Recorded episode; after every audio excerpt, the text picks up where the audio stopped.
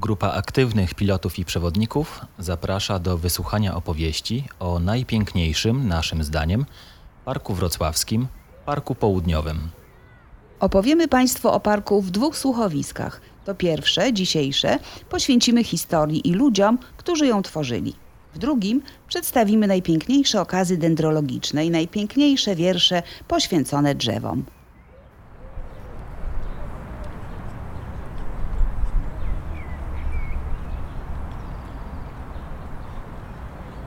Park Południowy to miejsce niezwykłego przenikania się natury i kultury, pełne unikatowych drzew, ale też literackich tropów poetów Tadeusza Różewicza i Tymoteusza Karpowicza, a także niemieckich pisarzy Willego Kona i Hugona Hartunga.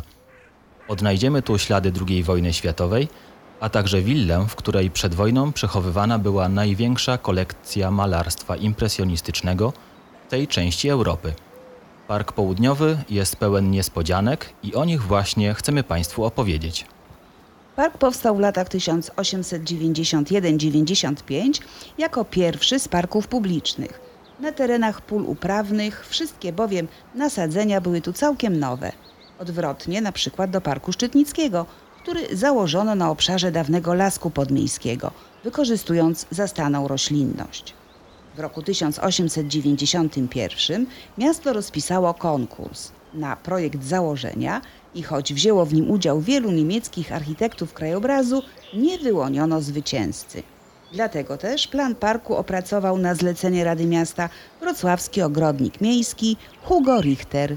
Zaplanował on na 27 hektarach terenu podarowanego wcześniej miastu przez Juliusza Schottlandera, żydowskiego posiadacza ziemskiego, założenie złożone z trzech części. Pierwsza część, zlokalizowana na północy, od strony ulicy Januszowickiej, to część nizinna, w typie Lasu Śląskiego, z trzema polanami i tak zwanymi soliterami, czyli rozłożystymi, pojedynczymi drzewami. Druga część to tereny wokół stawu o nieregularnej linii brzegowej z roślinnością typu bagiennego. I wreszcie trzecia, alpinarium w części południowej parku, przy nasypie kolejowym wokół wzgórza Bendera. Do dziś mamy w parku czytelne i dobrze zachowane elementy pierwotnej kompozycji przestrzennej. Drzewostan ukształtowany został z wykorzystaniem głównie gatunków rodzimych buków, dębów, lip, grabów, klonów, stanowiących tło dla drzew aklimatyzowanych, umiejętnie wkomponowanych w grupy. W składzie gatunkowym wyróżniają się szczególnie kolekcje kasztanowców wraz z jedynym w Polsce ponad stuletnim kasztanowcem digitata. Taki opis podaje Iwona Binkowska w leksykonie Zieleni Wrocławia. Dominantą całej kompozycji była bryła restauracji zaprojektowanej przez wrocławskiego magistrackiego radcę budowlanego Karla Klima. Restaurację prowadził znany wrocławski browarnik Georg Haze, który dzierżawił również piwnicę świdnicką. Jego willa miejska zachowała się do dziś przy ulicy Podwale. Mieści się w niej siedziba konsulatu niemieckiego. Georg Hase znany był również jako pierwszy uczestnik wypadku samochodowego na ulicach dawnego Wrocławia. Restauracja w parku, ten legendarny lokal gastronomiczny z pięknymi tarasami, wzniesiona została w 1898 roku i była ulubionym miejscem spacerowiczów. Miejscowa prasa twierdziła nawet, że nieważne gdzie się zacznie zwiedzanie parku południowego, i tak skończy się w restauracji, bo to właśnie do niej prowadzą wszystkie alejki. Jak podaje historyk Grzegorz Sobel, w zbiorach Biblioteki Uniwersyteckiej zachowało się menu bankietu wydanego w parku 2 listopada 1901 roku z okazji zjazdu członków niemiecko-austriacko-węgierskiego Związku Żeglugi Śródlądowej.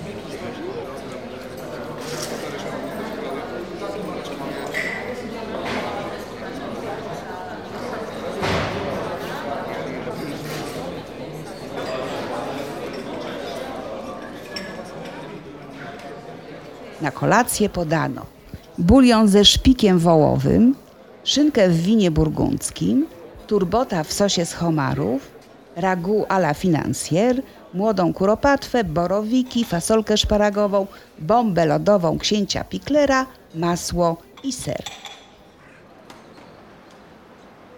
Przed restauracją, od strony dzisiejszej ulicy Waligórskiego, stał pomnik Ferdynanda Kona, botanika, który wraz z Hugo Richterem dobierał rośliny dla Parku Południowego.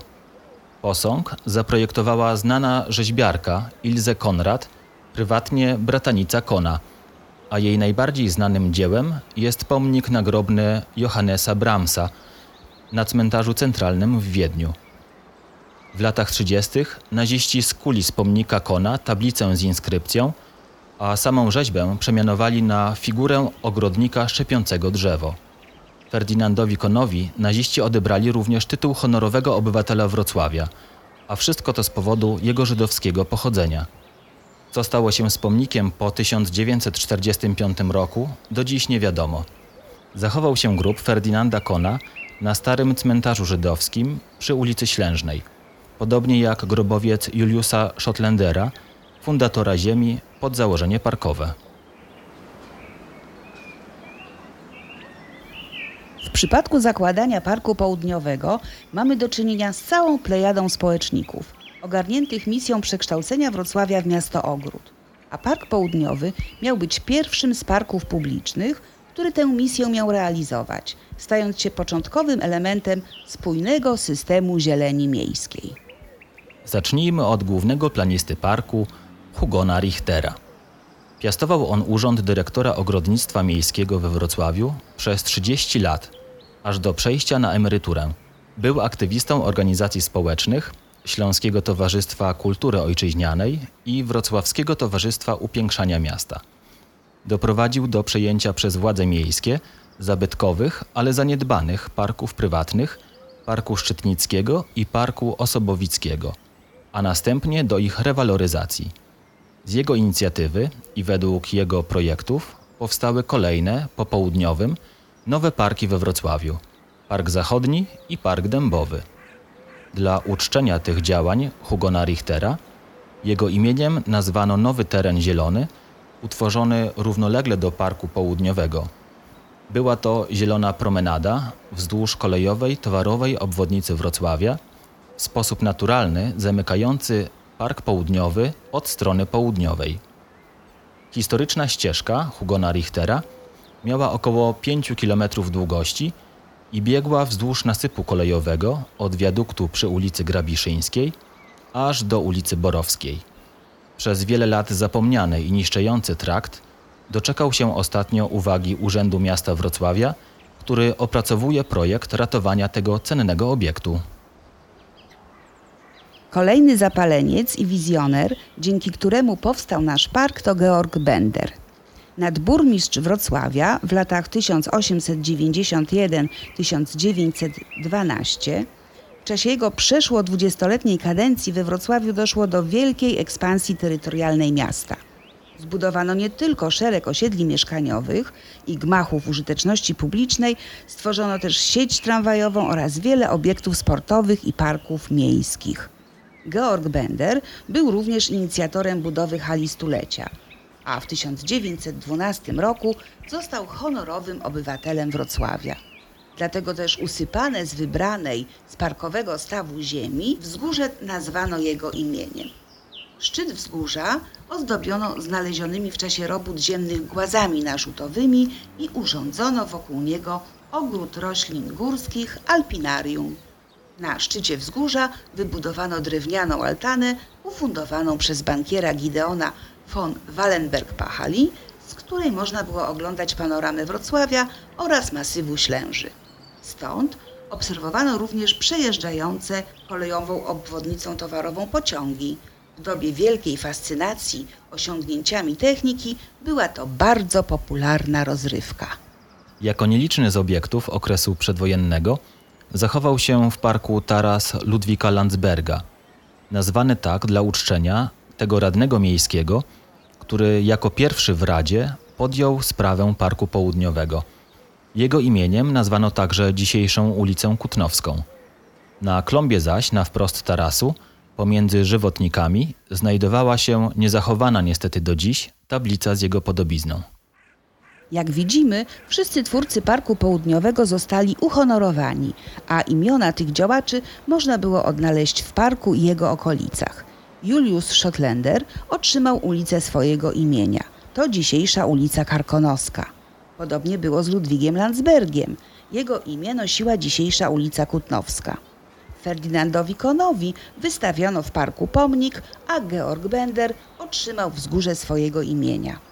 Hugo Richter stał się patronem traktu spacerowego, a dwaj z nich, i Kohn i Bender, zostali wybrani honorowymi obywatelami Wrocławia.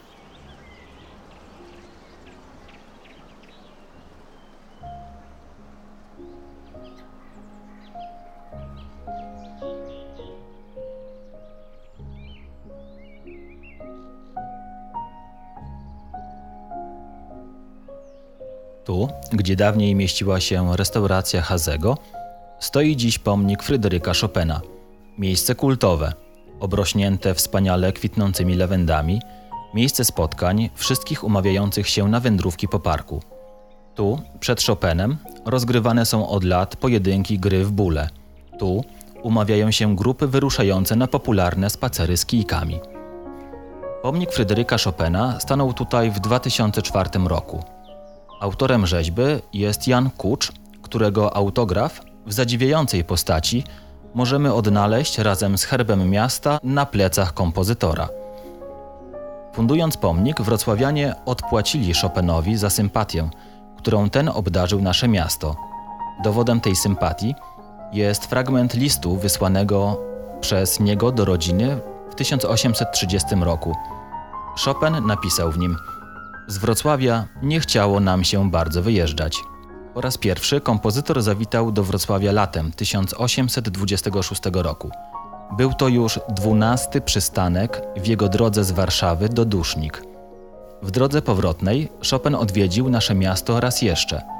Wiadomo nawet, że obejrzał katedrę i kościół pod wezwaniem świętej Elżbiety. Po raz trzeci kompozytor zawitał do Wrocławia trzy lata później – kiedy razem z przyjaciółmi wracał z Wiednia do Warszawy, opromieniony międzynarodową sławą po wiedeńskich koncertach. Po raz czwarty i ostatni Fryderyk Chopin przyjechał do Wrocławia w listopadzie 1830 roku. W parku czasami można usłyszeć koncerty organizowane na parkowej estradzie, ale codzienne popisy dają tu ptaki. Mamy tu stwierdzonych 40 gatunków ptaków lęgowych, w Parku Południowym utrzymuje się najwyższe zagęszczenie ptaków lęgowych we Wrocławiu. Występuje tu aż 195 par na 10 hektarów. Najczęściej możemy spotkać szpaki, kwiczoły, modraszki i bogatki. Wiosną, zwłaszcza na porannych spacerach, możemy być świadkami koncertów takich wyśmienitych śpiewaków jak rudziki, kapturki, słowiki i zięby. Michał Książek tomiku poezji Nauka o ptakach, uhonorowanym wrocławską nagrodą poetycką Silesius, pisał Zięby, czarne nuty ze skrzydłami biorą się z dźwięku. W kwietniu najdonośniej jednak słychać w Parku Południowym prostą piosnkę pierwiosnka. Cipcal, cipcal, dosłownie wydziera się ten niewielki, niepozorny ptaszek, zagłuszając trele zięby i rudzika to jego cipcal, cipcal wydaje się bardzo nudne i ornitolog Marek Pióro podejrzewa, że samice pierwiosnków muszą być przygłuche, skoro tak marnym śpiewakom dają się uwieść. Badania od lat pokazują, że ptaki żyjące w mieście śpiewają inaczej niż te same gatunki na terenach leśnych czy wiejskich. Muszą śpiewać szybciej i wyżej, żeby przebić się przez hałas. Największą jednak niespodzianką Parku Południowego jest dawna willa Maxa Zilberberga, żydowskiego przedsiębiorcy, właściciela fabryk produkujących cegły szamotowe i piece. Położona przy dzisiejszej ulicy Kutnowskiej, zamykającej park od północy. Przedwojenna kolekcja malarstwa, mieszcząca się w tej willi, składała się z około 250 dzieł sztuki. Zilberberg do swoich zbiorów – Pozyskał kilka obrazów Degas, po trzy dzieła Maneta i Cezana, po dwa Moneta i Pizara, pięć Renoira oraz prace Van Gogha, Rodena i Sisleya. W czasach kryzysu lat 30. Max Zilberberg musiał pozbyć się części kolekcji, a po dojściu nazistów do władzy zmuszono go do sprzedaży kolejnych dzieł sztuki. Ostatecznie jego mienie zostało przejęte przez Niemców w 1940 roku w ramach tzw. aryzacji mienia żydowskiego, a sam Zilberberg rok później został zamordowany w Auschwitz.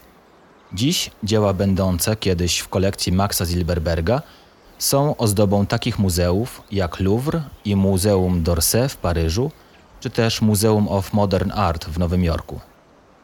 Tuż na wprost willi Maxa Zilberberga odnaleźć możemy schron z czasów II wojny światowej, a nieco dalej malowniczą wieżyczkę wartowniczą. Park Południowy był świadkiem zaciętych walk w czasie obrony Festung Breslau. Natarcie Rosjan ruszyło w lutym 1945 roku od południa miasta, całkowicie zaskakując Niemców, którzy spodziewając się ataku od północy, tam właśnie zgromadzili największe siły. Już w pierwszych dniach Rosjanie doszli do nasypu kolejowego obwodnicy towarowej, który szybko sforsowali, zdobywając wcześniej dość silnie broniony budynek radia i zajęli Park Południowy. Walki na terenie Borka opisuje Hugo Hartung, były dyrektor artystyczny Teatrów Miejskich Wrocławia, żołnierz pułku Luftwaffe swoich wspomnieniach pod tytułem Śląsk 1944-45. Na tym kończymy pierwszy odcinek naszego słuchowiska. Mamy nadzieję, że przekonaliśmy Was, drodzy słuchacze, do odwiedzania tego niezwykłego miejsca, jakim jest Park Południowy. Zapraszamy do wysłuchania części drugiej, która będzie pełna poezji, ale też licznych anegdot z życia naszych sąsiadów poetów Tadeusza Różewicza i Tymoteusza Karpowicza.